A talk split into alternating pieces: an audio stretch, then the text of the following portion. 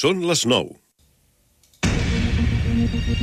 Correia Notícies, butlletí informatiu. Molt bona nit, els parla Verónica Tomico. La MB crearà una de les xarxes metropolitanes públiques d'electrolineres ràpides més extensa del sud d'Europa.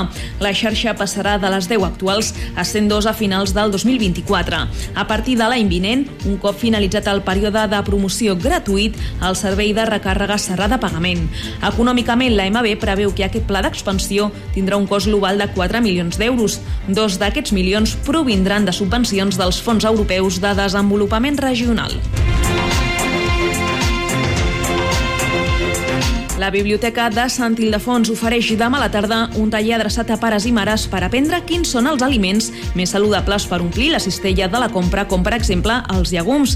Després d'aquesta xerrada, els assistents aniran al Centre Cívic de Sant Ildefons per continuar descobrint les propietats d'aquests aliments entre els fogons. La cita està guiada per Purificació Alcalà, dietista i nutricionista del CAP de Sant Ildefons, i per Xesca Dos Santos, professora de cuina del Centre Cívic de Sant Ildefons. Per participar a la sessió, cal inscriure's a través del web biblioteques.cornellà.cat o a la pròpia biblioteca de Sant Ildefons. L'agrupació sardanista de Cornellà celebra aquest cap de setmana la festa de la grupa. La cita serà el dissabte a partir de dos quarts de dotze del matí a la plaça de l'Església. La festa es desenvoluparà durant tota la jornada amb un seguit de propostes lúdiques que volen donar a conèixer als cornellanencs i cornellanenques la mostra de cultura popular catalana que fomenta aquesta entitat.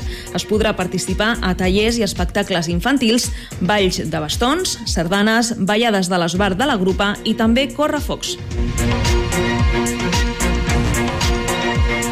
Fins aquí aquest butlletí informatiu. Poden seguir informats de l'actualitat de la nostra ciutat al Cornellà Notícies de la una del migdia, als butlletins horaris i a l'app i la web de Ràdio Cornellà. També trobaran les darreres actualitzacions i notícies al radiocornellà.cat i a les xarxes socials de la ràdio, Twitter, Facebook i Instagram. Ara el temps. Connectem amb l'Agència Estatal de Meteorologia.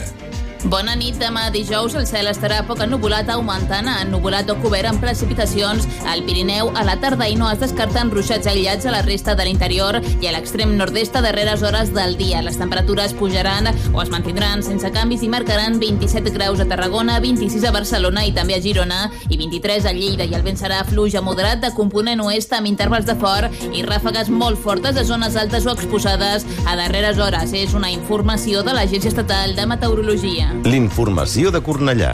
Més a prop, impossible. Ràdio Cornellà, 104.6 FM.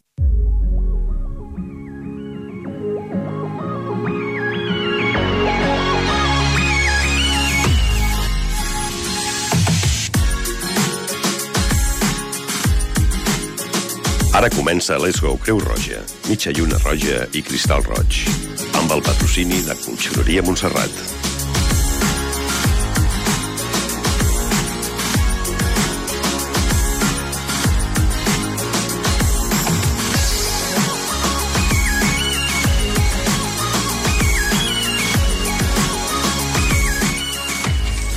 ...21 horas 3 minutos, 104.6 de la FM Radio Cornellá. Iniciamos la hora de Cruz Roja con el equipo en pleno hoy y aquí todos eh, preparados ya con las bambas puestas, dispuestos a correr. Eh, tenemos la presencia de Alba que nos acompaña. Buenas nit. Bona nit. Rosa María Pastor. Buenas nit. Bona nit. Emilio Aguilar. Bona nit. Buenas nit. Kiko Belinchón, que está ahí al control con todos los mandos y botones, etcétera, etcétera. Y aquí nosotros eh, preparándonos para hablar de diferentes noticias que tienen mucho que ver con la situación actual del mundo de Cruz Roja. Eh, concretamente hablaremos hoy de los bancos de alimentos que tachan de excluyente el nuevo sistema de distribución de ayudas alimentarias. Luego hablaremos de ello porque existe un nuevo sistema de distribución que va a cambiar mm, de forma, mm, digamos, tajante la situación y quizá no sea el mejor de los momentos para que aparezca, precisamente por la inflación, precisamente por el, el coste de, de los alimentos, el coste de las hipotecas, las situaciones delicadas en muchas familias vulnerables y por otras cuestiones que en breve también seguiremos tratando, se hace un cambio en el reparto de distribución alimentaria para las familias vulnerables, y eso va a suponer precisamente una, mm, digamos, situación de inferior condición a la que tienen en la actualidad. Eh, trataremos también de las alertas que hacen concretamente las entidades respecto de esa nueva forma de distribución. Hablaremos de la protección a la infancia y la adolescencia. Nuestra compañera Mayalén Prieto nos hará una introducción al respecto.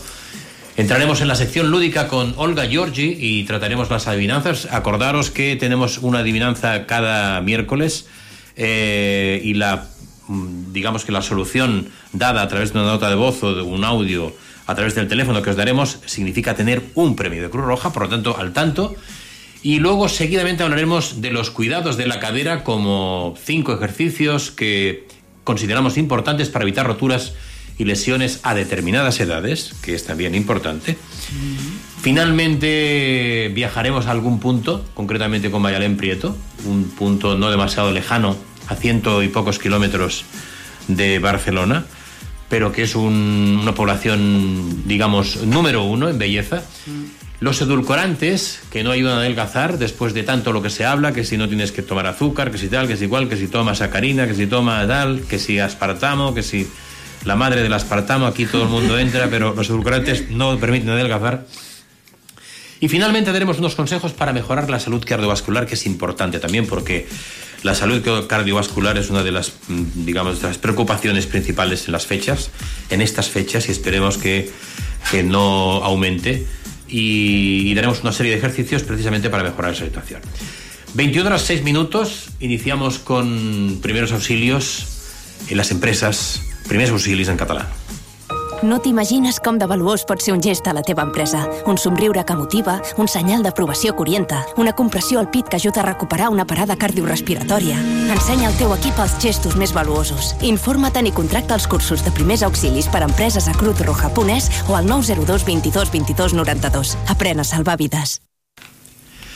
Sota el nostre criteri, nosaltres considerem que els primers auxilis són necessaris per a tothom. Són necessaris al món de l'empresa, com ha dit la Falca que acabem de passar, però també són necessaris el món dels col·legis, perquè als col·legis hi ha nens que tenen necessitats moltes vegades de ser atesos per una qüestió de salut i entenem que la gent ha d'estar formada, precisament l'equip docent ha d'estar format, eh, inclús a les AMPAs, que ara no se'n diuen així, ja sé que ha canviat el nom, però ja això ja, ja ho arrossego de, de, de, de, de, diguem de la, de la dita anterior, i, i llavors crec que seria interessant que tothom tingui present que Creu Roja acostuma i fa molt sovint eh, cursos de primers auxilis que són molt necessaris. Ahir ha quedat, ahir ha quedat la, el Consell i nosaltres ara sí que entrem de ple a les notícies y anem a parlar de los bancos de alimentos, que tachan de excluyente el nuevo sistema de distribución de ayudas alimentarias, como explicábamos al inicio. El, ministro, el Ministerio de Derechos Sociales Agenda 2030 cambiará el sistema de reparto de los alimentos para personas vulnerables a través de bancos de alimentos por vales canjeables para usar directamente en el supermercado a partir del año 2024. Cada vez son más las personas que solicitan ayuda y cada vez menos las donaciones. Esta es la fotografía actual que denuncia la Federación Española de Bancos de Alimentos, FESBAL.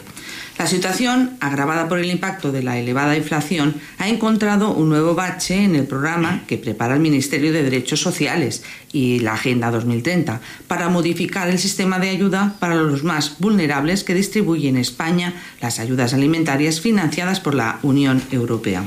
A partir del 2024, en lugar de los alimentos en especie que enviaban hasta ahora, la asistencia europea será administrada a través de tarjetas monederos, que podrán ser usadas directamente en los supermercados. Estas tarjetas solo se destinarán a familias con hijos a su cargo en situaciones de pobreza o extrema vulnerabilidad. De esta forma, según critican los bancos de alimentos, habrá muchos colectivos que se quedarán fuera de la ayuda, personas que tendrán que continuar acudiendo a los bancos de alimentos. Ahora sí, sin las aportaciones de la Unión Europea. El Ministerio de Derechos Sociales tiene a punto el cambio del sistema asistencial de la compra de alimentos que desde 2014 es cofinanciado en España a través del Fondo de Ayuda Europeo para las personas más desfavorecidas, lo que se llama el acrónimo FEAD. Según el nuevo plan de asistencia, será administrada a través de tarjetas monedero para ser usadas directamente en los supermercados. El objetivo es terminar con el modelo anterior, que estigmatiza a los usuarios al identificarlos como beneficiarios de ayudas sociales, como por ejemplo las llamadas colas de hambre. Sin embargo, solo podrán ser beneficiarios de esta ayuda las familias con al menos un menor a cargo. Estos vales serán canjeables tanto por productos de alimentación como de higiene básica. El valor de referencia de la ayuda se ha fijado en unos 100 euros al mes. A esta cuantía se le añade un 30% adicional por cada miembro, desde los 130 euros al mes para familias, familias monoparentales hasta un máximo de 220 euros mensuales para familias de 5 o más miembros. La ayuda tendrá una validez de 12 meses y deberá ser reconocida por los servicios sociales de las comunidades autónomas. De hecho, con el nuevo plan son estas las que gestionan su ejecución y no el gobierno central como ocurre hasta ahora. Actualmente, y hasta que se produzca el cambio, es el Programa Europeo de Ayudas FEAT el plan nacional que compra y distribuye los alimentos destinados a personas vulnerables. La financiación se reparte en un 85% por la Comisión Europea y un 15% por el presupuesto de la Administración General del Estado. El programa de FEAT comprende el programa de alimentos al por mayor, con el dinero europeo, a través del Fondo Español de Garantía Agraria, FECA. Eh, ¿De qué depende el Ministerio de Agricultura pesca y alimentación, y su suministro a los centros de almacenamiento y su distribución a las distintas entidades sociales, que corre a cargo de las organizaciones de Cruz Roja Española y FESVAL. El nuevo programa que se estrena a partir de 2023 va dirigido a un sector de la población concreto, familias con hijos. Por tanto, excluye a múltiples colectivos que reciben actualmente la ayuda alimentaria gracias a los fondos FEAT, personas que seguirán llamando a la puerta de los bancos de alimentos, según el director, general de FESVAL. Unas organizaciones que a partir de 2024 contarán con un 27,7% de alimentos menos de media en sus cestas, que son los que hasta ahora procedían de la Comisión Europea. El año que viene no hay FEAT, ni hay ningún programa alternativo que lo supla, denuncia Greciano, un problema al que se suman la caída de las donaciones y la elevada inflación. Los productos que abastecen los bancos de alimentos llegan de distintas fuentes, con donaciones privadas de empresas y particulares, eh, con el programa FEAT y con las compras que realiza el propio Banco de Alimentos. Según explica Graciano, el impacto que tiene la elevada inflación sobre la reserva llega por dos vías. La caída de las donaciones privadas, que calcula que es un 27% desde principios del año hasta junio, y el aumento del coste de las compras que hace el propio banco. Por el mismo dinero se compra menos. Aunque no se espera que se produzcan cierres de bancos de alimentos debido a estas carencias a corto plazo, sí han decidido ajustar las cestas. Hemos visto previsores y para cubrir la, la demanda del año que viene hemos reajustado el número de kilos a entregar al usuario para alargar los productos que nos quedan, indican desde el Banco de Alimentos de Madrid. Otra crítica hacia el nuevo programa es que sustituye una asistencia material directa por una indirecta. Cuando el FEGA licita los alimentos, el precio de compra se realiza a un coste menor al que se adquieren los alimentos en los supermercados. Greciano calcula que de media un kilo de alimentos, teniendo en cuenta la inflación, se obtiene para los bancos de alimentos un 80% más barato del precio que se paga en los comercios. Es decir, las familias beneficiarias de las tarjetas pagarán más por los productos que los bancos de alimentos consiguen de manera más económica. Además, el programa pasa a ser gestionado por las comunidades autónomas, que deberán decidir si cuentan o no con Cruz Roja y Banco de Alimentos como hasta ahora. Los alimentos que conforman la cesta básica que adquiere el gobierno con los fondos europeos son arroz, garbanzos, cocidos, conservas de atún, pasta, tomate frito, galletas, verduras, en conserva, cacao soluble, tarritos infantiles, leche entera y aceite de oliva. Esta ha sido la lista hasta ahora. Sin embargo, la entrega del 2023 no ha incluido por primera vez ni leche ni aceite. Los bancos de alimentos han notado la carencia de estos productos básicos presentes en grandes cantidades en la cesta. Graciano calcula que en 2023 el déficit de leche es de 18,3 millones de litros y de aceite la carencia es de 3 millones. Desde el Banco de Alimentos de Madrid confirman la tendencia. La FEGA ya nos ha comunicado que no llegará ni aceite ni leche en la próxima entrega, indican. Por tanto, estamos comprando nosotros mismos estos productos y aunque lo hacemos en origen directamente al productor, hemos notado la subida de precio. Aún no lo sabes, pero cada mañana hay personas que se levantan y necesitan sentir que tienen a alguien a su lado. Niños y niñas, jóvenes, mayores, inmigrantes, personas sin hogar. Con tu esfuerzo puedes contribuir a que todas ellas recuperen la sonrisa. El voluntariado es un boomerang de vida y vuelta. No lo dudes. Únete a Cruz Roja. Lánzate. Más información en cruzroja.es. Campaña financiada por el Ministerio de Sanidad, Servicios Sociales e Igualdad por solidaridad a otros fines de interés social. Les entitats socials alerten de que a partir de l'any vinent les famílies vulnerables no obtindran les mateixes ajudes alimentàries.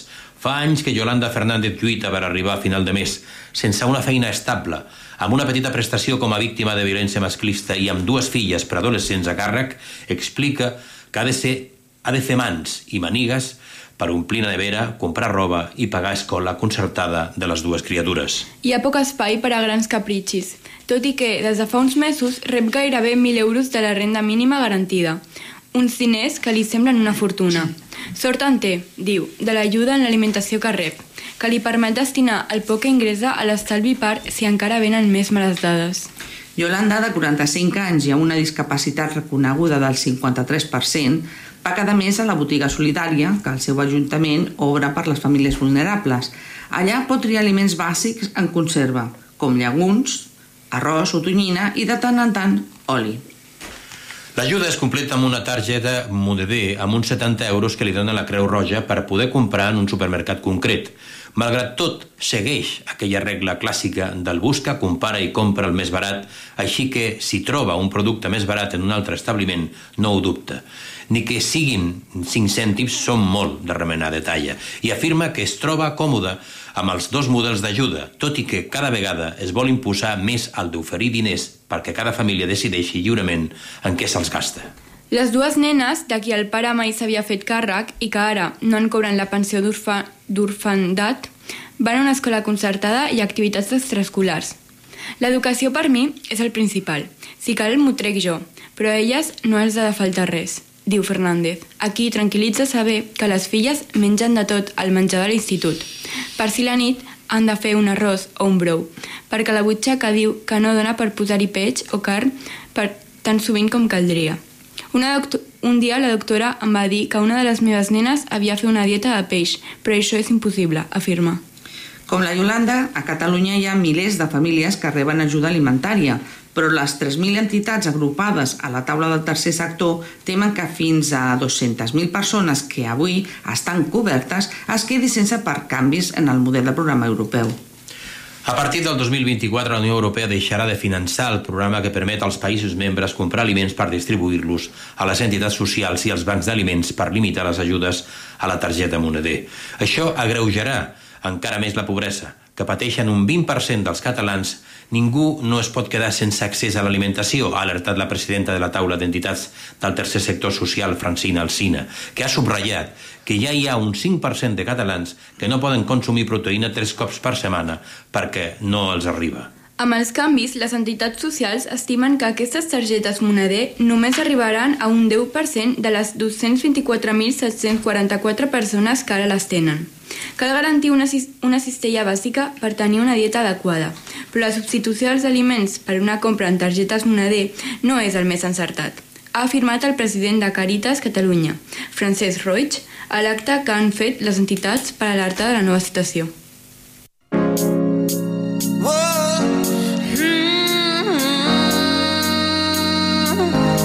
human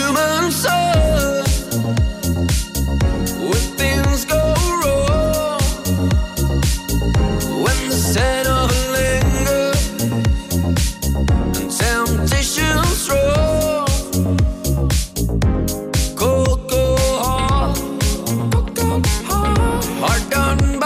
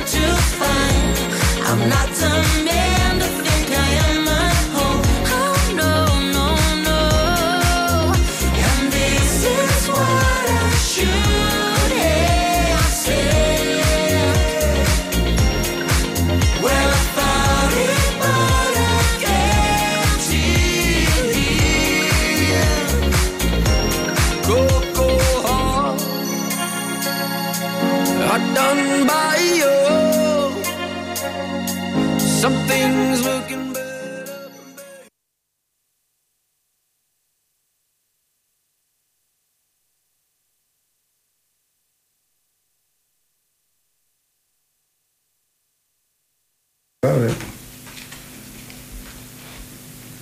en todas las familias, aquí siempre, aquí ha ocurrido algo, como siempre ocurre en todas las familias, quiere decir. Pero, pero nosotros eh, seguimos con la... Teníamos concretamente que nuestra compañera tenía que entrar en antena. Sí, María Perfecto. Bien, pues eh, mientras nuestra compañera se propone entrar en antena, nosotros vamos a, a comentaros que tenéis eh, concretamente que participar en un juego de adivinanzas que nuestra compañera Olga Giorgi también tiene que venir luego más tarde porque estaba todo programado, aunque se ha roto el programa. Ahora nos dicen que sí desde el control. Pues vamos entonces con nuestra compañera. Adelante. El sistema de garantía de rentas, como puede ser el ingreso mínimo vital, eh, la renta crianza con ayuda a las familias, podemos decir que la alta prevalencia de la pobreza infantil es todavía inaceptable. Es por esto que hoy vamos a hablar sobre la protección a la infancia y adolescencia y sobre la hoja de ruta que el Estado ha diseñado para acabar con la exclusión, la violencia y avanzar en los derechos de la infancia. Debemos ser conscientes de que uno de cada diez niños, niñas y adolescentes, el 10,1% en España, no puede cubrir sus necesidades básicas en el hogar. A pesar de que el indicador de riesgo de pobreza y exclusión social se ha reducido en el último año en casi un punto porcentual, la infancia sigue siendo el grupo más vulnerable a este problema. Es por esto que las políticas sociales en España tienen como objetivo fomentar la capacidad y el bienestar de las personas y avanzar hacia una sociedad más justa y cohesionada. Por consiguiente, es necesario implementar nuevas iniciativas. Uno de los objetivos primordiales de la Estrategia Estatal de los Derechos de la Infancia y Adolescencia 2023-2030 y que fue aprobada por el Gobierno el 9 de mayo del año en curso, consiste en que ningún menor de seis años tutelado viva en centros de acogida en 2026 o rescatar antes de 2030 a más de 700.000 niños de la situación de pobreza. En definitiva, se trata de destinar todos los recursos necesarios para acabar con la pobreza infantil, fortalecer el desarrollo de entornos saludables, el derecho a ser cuidados y la protección frente a las violencias. La estrategia estatal recoge los siguientes compromisos. El Estado se compromete a reducir la tasa de riesgo de pobreza y exclusión de un 26,2% en 2019 a un 20,2% en 2030, lo que equivaldría la reducción de unos 713.003 niños, niñas y adolescentes menos en riesgo de pobreza y exclusión. Otro aspecto es el derecho a vivir en familia, es decir, que ningún menor de 10 años deba vivir en un recurso residencial. Se pretende que el acogimiento familiar alcance al 70% de la infancia del sistema de protección y el Estado limitará a 12.000 los menores tutelados en centros de residencia. Respecto a los menores migrantes, el Estado español tiene la obligación de proteger a cualquier menor que esté en su territorio, independientemente de su situación migratoria o el modo en que haya entrado al mismo. Destaca la estrategia que plantea consolidar la coordinación entre regiones y poner fin a la práctica de devolución automática de algunos niños antes de finales de 2030. Otro aspecto es que para el 2030 todos los menores tengan competencias digitales básicas en el sistema educativo. Asimismo, los hogares dispondrán de conectividad gigabit y todas las zonas pobladas estarán cubiertas por 5G, que consiste en un aumento de velocidad en las conexiones y en consecuencia supone la reducción del retardo en las comunicaciones. Se pretende reducir a la mitad la brecha en el uso de Internet para hacer los deberes entre la infancia vulnerable y el conjunto de la infancia. Respecto a la escolarización, la meta para finales de 2030 es aumentar la tasa de escolarización temprana de 0 a 1 años al 55% y de 1 a 2 años al 85%. También se pretende reducir la tasa de abandono temprano al menos al 9% y la segregación escolar. Respecto a los alumnos con discapacidad, plantea centros ordinarios con más recursos y reducir el alumnado en centros de educación especial, actualmente el 17%. Lo que se pretende, en realidad, es integrar a los alumnos con determinada discapacidad en centros educativos ordinarios, eh, dotándolos de más recursos, lógicamente. Asimismo, se pretende crear entornos seguros. En dos años deben estar en marcha un único registro unificado de servicios sociales sobre violencia contra la infancia y un registro central de información sobre violencia contra la infancia y adolescencia. En 2030, para garantizar entornos protectores y seguros, deberá completarse la especialización civil y penal, la atención gratuita y servicios amigables y multidisciplinarios en todas las comunidades. Respecto a la salud y bienestar, se pretende el reducir el exceso de peso en un 20-25% entre niños de 6 a 16 años. Reducir también un 40% la brecha social en obesidad y un 50% la baja adherencia a dieta mediterránea. En realidad lo que se pretende es eh, dotar a la infancia de una alimentación saludable. También aumenta el número de especialistas en salud mental y apoyo psicosocial y reducción de suicidios. Ningún niño vivirá en asentamientos chabolistas y se reduce en un 30% el consumo diario de tabaco, de alcohol y cannabis en los menores. Creemos que las diferentes administraciones y cada uno de nosotros debemos luchar por un país con y para la infancia, en el que en conjunto de derechos esté garantizado y sea real y efectivo para todos los niños, niñas y adolescentes. Se trata, en definitiva, de batallar por una causa justa y siempre en defensa de los derechos humanos.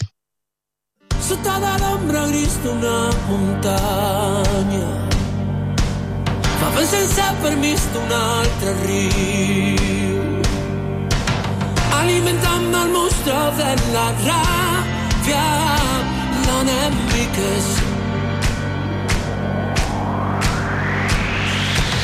qui ve a la teva terra profanada? Que pitja la ciutat sense permís qui troba del carrer les teves coses l'enemic és si aquests idiotes sabessin que jo sóc l'home més ric de la terra així, dins les teves abraçades, oblidaven que l'home no és més que un home i les teves mans de bandera que tinc com a frontera una cançó.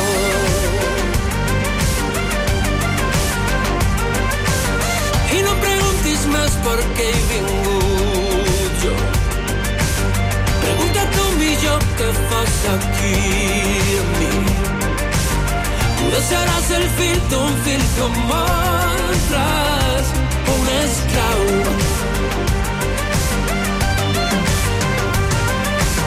I parlar-li de front a l'enemic. I parlar-li de front a l'enemic. Culpa de l'amor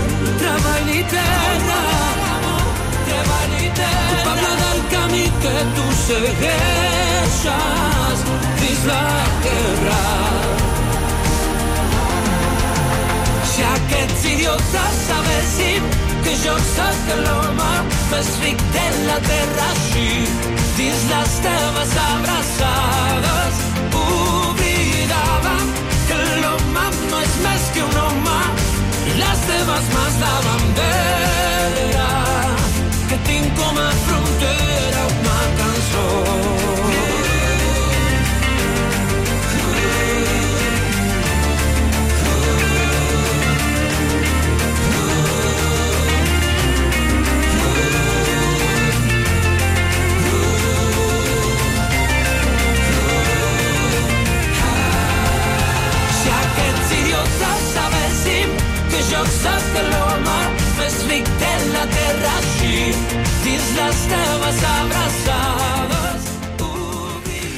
21 hores 31 minuts, estem a l'hora de Cruz Roja, al 104.6 de la FM Ràdio Cornellà, i ara ha arribat el moment, de la, del moment del, diguem, de la secció lúdica, perquè tenim les endivinalles de nostra, la nostra companya Olga Giorgi. Recordem la de la setmana anterior. ¿Quién se desviste cuando hace frío? ¿Quién se desviste cuando hace frío? Esa fue la adivinanza que lanzamos en la semana anterior. Y tenemos una muestra de participantes. ¿Qué nos dijeron? Hola, buenas tardes. Soy Mari Carmen de Cornellá y la respuesta a la solución de la adivinanza o del acertijo es árbol. Un saludo para todos los oyentes. Muchas gracias. Radio Cornellá. El árbol, efectivamente. Pero teníamos otra muestra, ¿no? Sí. Hola, soy Víctor Moreno Llanos y creo que la respuesta a la adivinanza que estáis dando esta semana pudiera ser árbol. Un saludo. Efectivamente, no pudiera ser, lo es. Ese es el, digamos, la forma de participar. Recordar que os damos siempre un teléfono, el 678 43 34 86. Repito, 678 43 34 86. Y esta es la adivinanza que tenemos para la semana próxima. Mucha atención porque es muy sencilla también. Entra solo si le giras la cabeza. Entra solo si le giras la cabeza. ¿Qué será? Es muy sencillo. Eh, bueno. Es muy sencillo. Entra solo si le giras la cabeza. La nota de voz o de audio a enviar para participar, como la muestra que os hemos dado hace un momento de dos participantes del, de la semana anterior, es el 678 43 34 86, 678 43 34 86, y no olvidéis decir el nombre y los apellidos, por si no luego, para identificaros y para recibir el premio de Cruz Roja, es más complicado. Por tanto, nombre, apellidos y eh, la, la solución. La solución. Os esperamos la semana próxima. Ya sabéis que eh, yo no me acuerdo cómo es. Gira solo si le Si le gira la cabeza. sale si entra, le entra, entra solo si, si le giras la cabeza. Pues ya sabes. Entra solo si le giras la cabeza. Els teus gestos són molt valuosos. Impulsen, donen força, valor, uneixen i fins i tot salven vides. Protegeix. Avisa. Socorre. Aprèn a salvar vides amb la Creu Roja. Sí, sí. 21 horas 33 minutos. Eh, acordaros que la semana que viene, no sé si tenemos, tenemos programa, ¿no? Es festivo. Es festivo, es el día de los Al día de todos santos. de todos los santos, claro. Y nosotros como santos, pues tenemos Claro, que hacer qué devoción. día, claro. Bien, pues ya sabéis que tenemos todavía más margen porque no estaremos la semana que viene, pero estaremos la siguiente. Y eh, hablaremos de, de tantas cosas como las que tenemos aquí. Cuidado de la cadera era otra de las noticias del día, el cuidado de la cadera y cinco ejercicios para evitar lesiones y roturas, sobre todo en la madurez, que es cuando acostumbran a ocurrir más. La madurez ya entrada de... Cuando dejas un poco la juventud, vamos, o sea, que es cuando toca el tema. Puede que para muchas personas adultas las lesiones de cadera les parezcan propias exclusivamente de la tercera edad, pero por desgracia las lesiones de cadera no son roturas asociadas a la osteoporosis, ni tampoco es patrimonio unilateral de la temida osteoartritis, una lesión que acaba mermando el recorrido de la articulación de la cadera. En la mediana edad, la artrosis por uso y desgaste no es solo una lesión con la que debamos convivir o dar por sentado que se ha de aprender en nuestras vidas. Sí es cierto que la edad y la descalcificación suponen riesgos añadidos para que nuestras caderas acaben dando problemas y a, medido, a medio y plazo acabe siendo un reemplazo por una prótesis o una salida más que frecuente. Sin embargo, esto no quiere decir que no podamos cuidar más de lo que solemos hacerlo a estas articulaciones clave y sobre todo que no podamos ejercitarlas. Potente donde los haya, el movimiento de la articulación de la cadera es fundamental para caminar o para mantenernos erguidos, pero también su potencia e inserción. La cabeza o bola de fémur en la pelvis dificulta en muchos casos su estiramiento o flexibilidad, riesgos que a medida que envejecemos se solapan con la artrosis y la osteoporosis. El deterioro articular y la citada artritis empiezan a multiplicar sus efectos a partir de los 60 años, momento en que nos solemos acordar del tiempo en que teníamos más movilidad y podíamos haber aprovechado ciertos ejercicios para que nuestra cadera sea más flexible y fuerte. Resulta obvio destacar que debe ser un ejercicio progresivo y donde evitemos lastimarnos. O, en el caso de sentir dolor, habremos de parar y buscar alternativas para no sobrecargar la zona cuando nunca habíamos puesto atención. Ahora vamos a ver cinco ejercicios para fortalecer la articulación. El primero será la marcha de cadera. Este ejercicio está especialmente recomendado para un público senior que necesite mejorar el equilibrio y la coordinación, además de aumentar la movilidad. Todas estas virtudes a partir de los 65 años son bien recibidas para reducir el riesgo de lesiones y de caídas y además con este ejercicio es fácilmente asumible. La postura de la mariposa, uno de los principales problemas a los que nos atenemos cuando la cadera no tiene suficiente movilidad, es el riego sanguíneo. Esta sensación de cadera anquilosada también repercute en una mala circulación de la sangre, que en casos muy extremos, cuando se producen caídas y roturas, también se vinculan a partes necrosadas de la articulación. Un daño final muy complejo, sobre todo cuando la rotura es en el cuello de fémur que suele ir asociado al reemplazo de la cadera. Para no llegar a ese extremo, este ejercicio es perfecto para minimizar los efectos de la artrosis y favorecer el riego sanguíneo en la articulación, aunque no es tan sencillo como lo anterior. Lo único que debemos hacer es sentarnos en el suelo sobre una esterilla o superficie relativamente blanda, pero sólida, y abrir las piernas juntando las plantas de nuestros pies. El ejercicio de la almeja, el nombre de ejercicio es Class Shell del Sercich, no es particularmente romántico, pero se entiende con facilidad cuando veamos este movimiento, que ayuda a fortalecer las caderas, los muslos y los glúteos. Además, favorece la estabilidad de los músculos de la pelvis y también alivia el dolor de la parte baja de la espalda. Su curioso bautismo solo se debe al tipo de gesto que debemos hacer. Para ello hemos de estar tumbados lateralmente en posición fetal, con las piernas ligeramente recogidas pero no en su totalidad, y debemos levantar la pierna que esté libre en su movimiento de apertura, como si abriéramos un bivalvo. Para una vez abierto y volvamos a recuperar la posición inicial de la, madera, de la manera cande, candeciosa. La marcha Frankenstein. Tampoco el nombre hace honor a este ejercicio, pero el formato es muy comprensible y no solo favorecerá el desarrollo muscular de la cadera y a una mejora del riego sanguíneo, sino que también aumentará el rango de movimientos y redundará en una postura corporal más erguida y a tener más fuerza también en la cintura. Lo único que debemos hacer es caminar erguidos con los brazos extendidos, formando un ángulo recto de 90 grados con el tronco, y levantar las piernas a cada paso, intentando llevarlas lo más rectas y altas posibles, como si fuéramos Frankenstein andando, alternando una subida de pierna con la otra. No es fácil, desde luego, pero se trata de ir mejorando la subida de nuestras piernas a medida que vamos mejorando la movilidad. Estiramientos de cadera. Hay ejercicios que a partir de una edad pueden constarnos más eh, y que es conveniente que realicemos acompañados o con la ayuda de fisioterapeutas, sobre todo si estamos haciendo trabajo de recuperación. Si aún nos valemos por nosotros mismos y tenemos cierta flexibilidad, estos estiramientos son perfectos para trabajar los flexores de la cadera, de los muslos y de los glúteos y además son aptos para todo tipo de personas. Lo único que hay que hacer es tumbarse boca arriba sobre una esterilla y atraer hacia nuestro pecho la rodilla notando cómo hay un estiramiento de la cadera y manteniendo la otra pierna bien pegada al suelo. Basta con mantener esta postura durante unos 30 segundos y hacerlo por cada pierna dos o tres veces.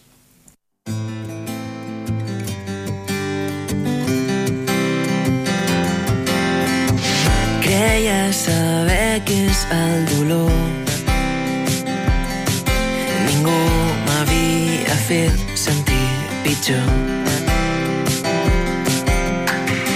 Amb les paraules pots fer mal,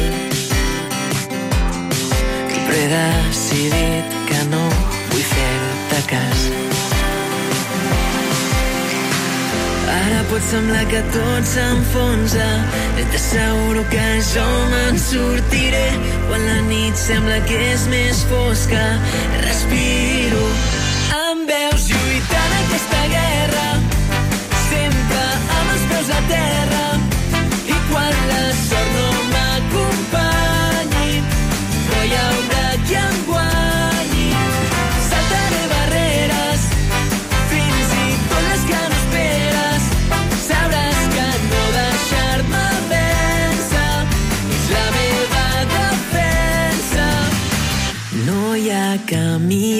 tot planer.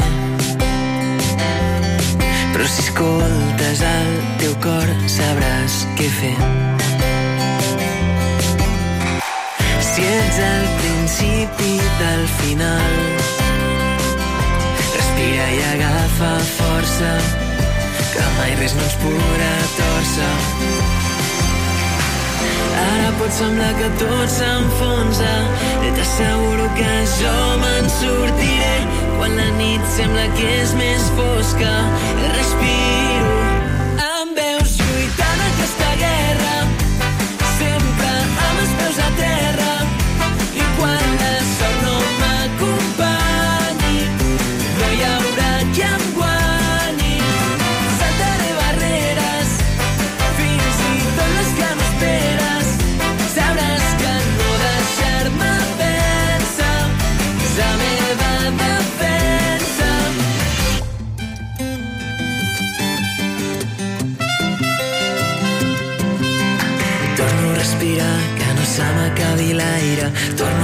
jak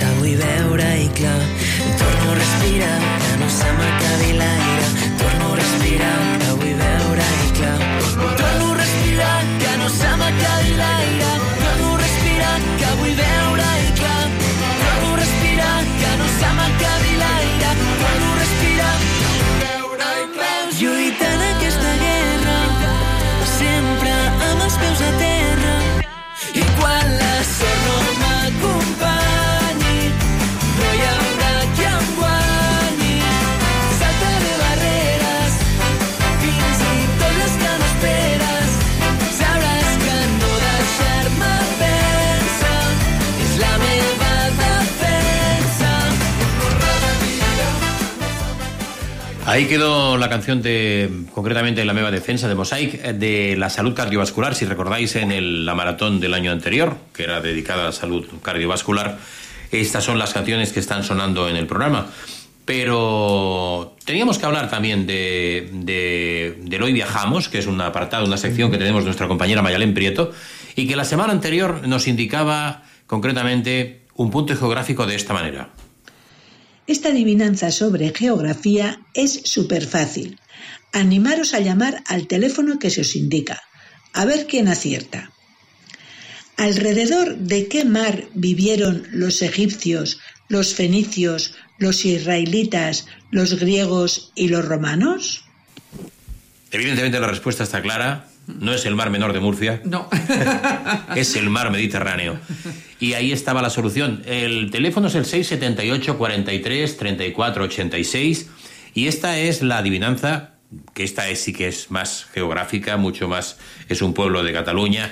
Al- Atentos porque a el teléfono que luego os volveré a recordar hay que empezar por escuchar atentamente y saber de dónde está hablando. Hoy viajamos a un pueblecito con encanto, que se encuentra a una hora 29 minutos aproximadamente por la AP7. Su nombre significa fortaleza entre dos ríos y se encuentra en la provincia de Gerona. Esta población, de origen medieval, se desarrolló alrededor de un castillo de principios del siglo X. Entre algunos de sus puntos de interés está el Pont Vell, obra del siglo XI, el monasterio de San Pere del siglo X, o la Casa Cornellà, vivienda típica de la nobleza medieval y uno de los edificios mejor conservados de toda Cataluña. Si viajáis a esta población, estaréis rodeados de arquitectura románica, que os llevará a la época del más puro amor cortés. ¿De qué población se trata? ¿En qué comarca de Cataluña se encuentra? Animaros y llamar al número de teléfono que se os indicará. Y si acertáis, ya sabéis que os espera un obsequio sorpresa. Recordad que el teléfono es el 678 43 34 86, que tenéis que dar el nombre y apellidos, que tenéis que dar la solución. ¿Qué población está en la provincia de Girona, de origen medieval, que tiene el Pont Vell, que tiene Casa Cornellá? No, Den más pistas que ya, si no... No estoy dando pistas, estoy recordando lo que ha dicho nuestra compañera Mayalen Prieto. Es muy sencilla y el teléfono es el 678 43 34 86. Así que esperamos que la semana que viene tengamos muchas respuestas y repartamos muchos premios de Cruz Roja. Abuela.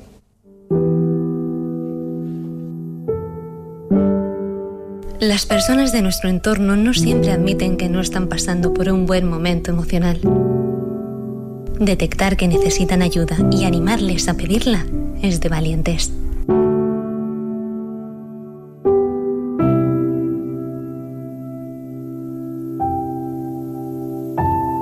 Llámanos 900 107 917.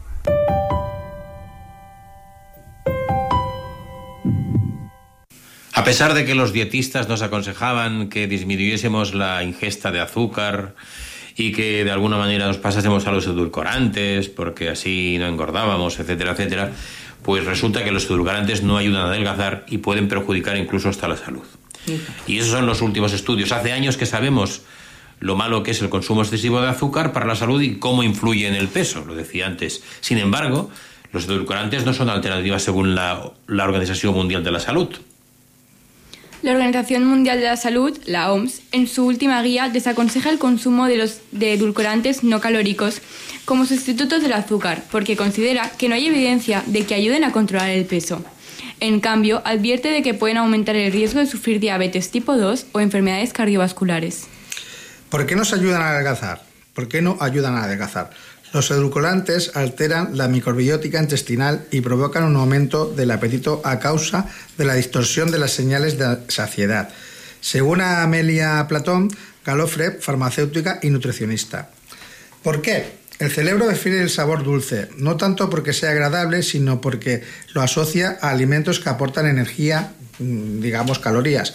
Según un estudio americano, como explican los nutricionistas, los endulcorantes tienen un fallo. El contenido de energía es nulo y hacen que- que queramos compensarlo con alimentos calóricos, es decir, estimulan el hambre. Entonces, ¿el problema son los edulcorantes o los ultraprocesados? El problema de los edulcorantes, igual que con el azúcar, no es tanto que los añadamos al café o al yogur, sino que forman parte de muchos de los alimentos o bebidas que compramos. Esto es lo que hace que su consumo sea tan elevado. Para Amel- Amelia Pla- Platón, un ultraprocesado suele ir cargado de estos edulcorantes y consecuentemente acaba teniendo un efecto sobre el microbioma intestinal. Además, provoca más deseo de tomar dulces.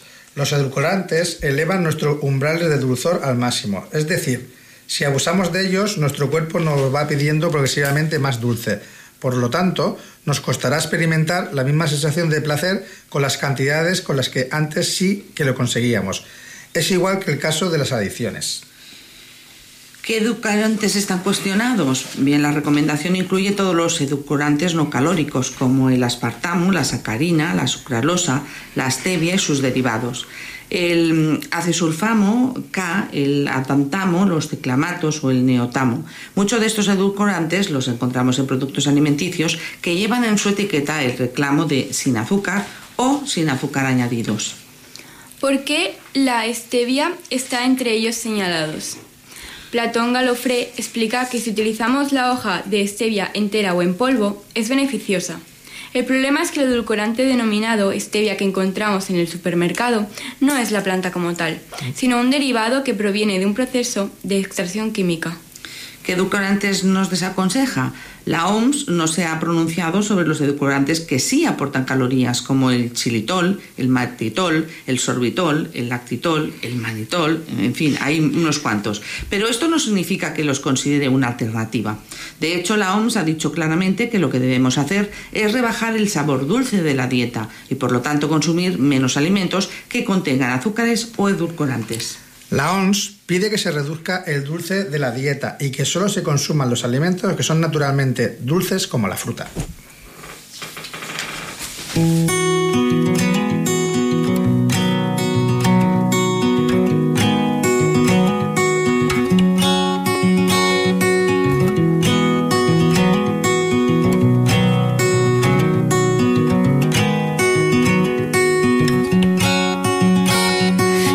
La ciudad donde vine a rendir, que se llevó quien yo era y solo pienso en huir de su dulce condena, tanto impacto influye en lo alto. Del monte respiro mejor, respiro mejor.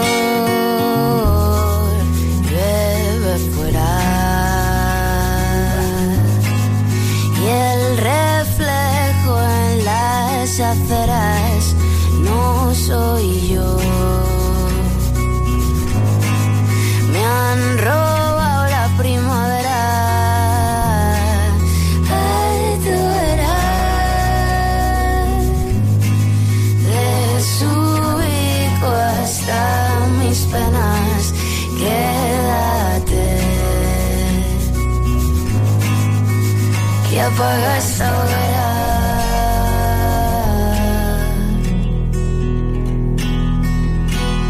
El olor a tormenta y un rayo de sol entre calles y aceras me recuerdan que no, que estoy mejor fuera tanta prisa, poco tacto para alguien que está en caracol, que está en caracol.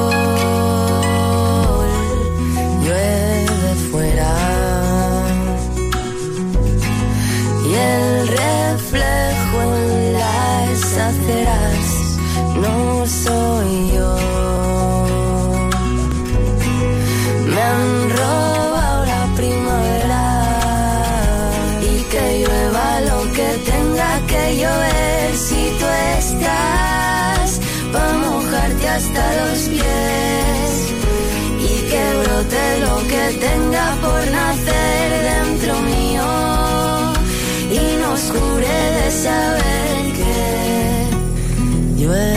fuera y el reflejo en las aceras no soy yo.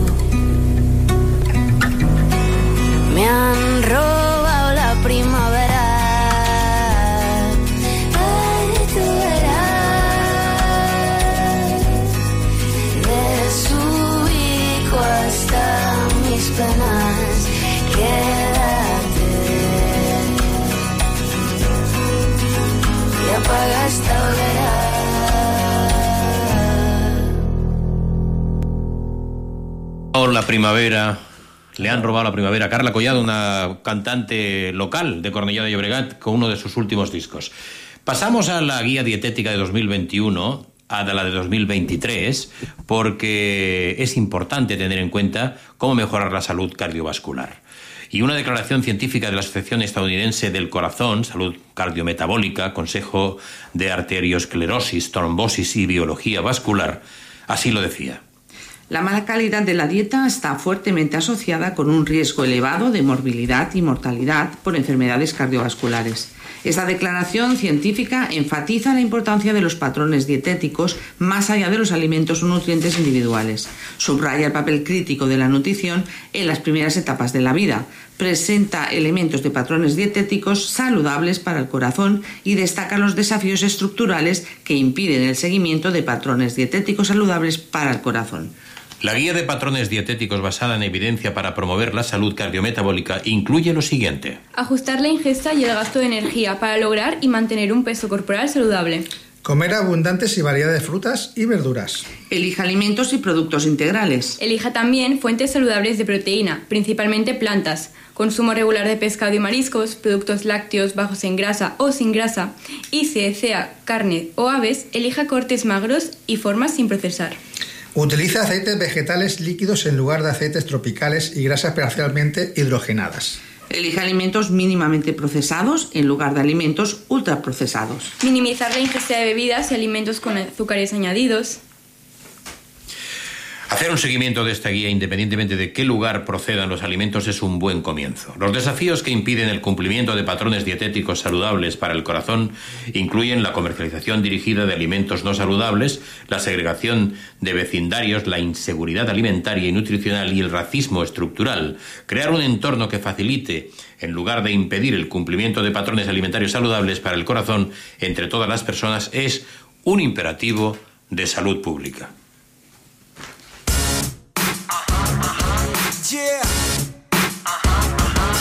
Et dono el cor i mai més serem dos mons a part.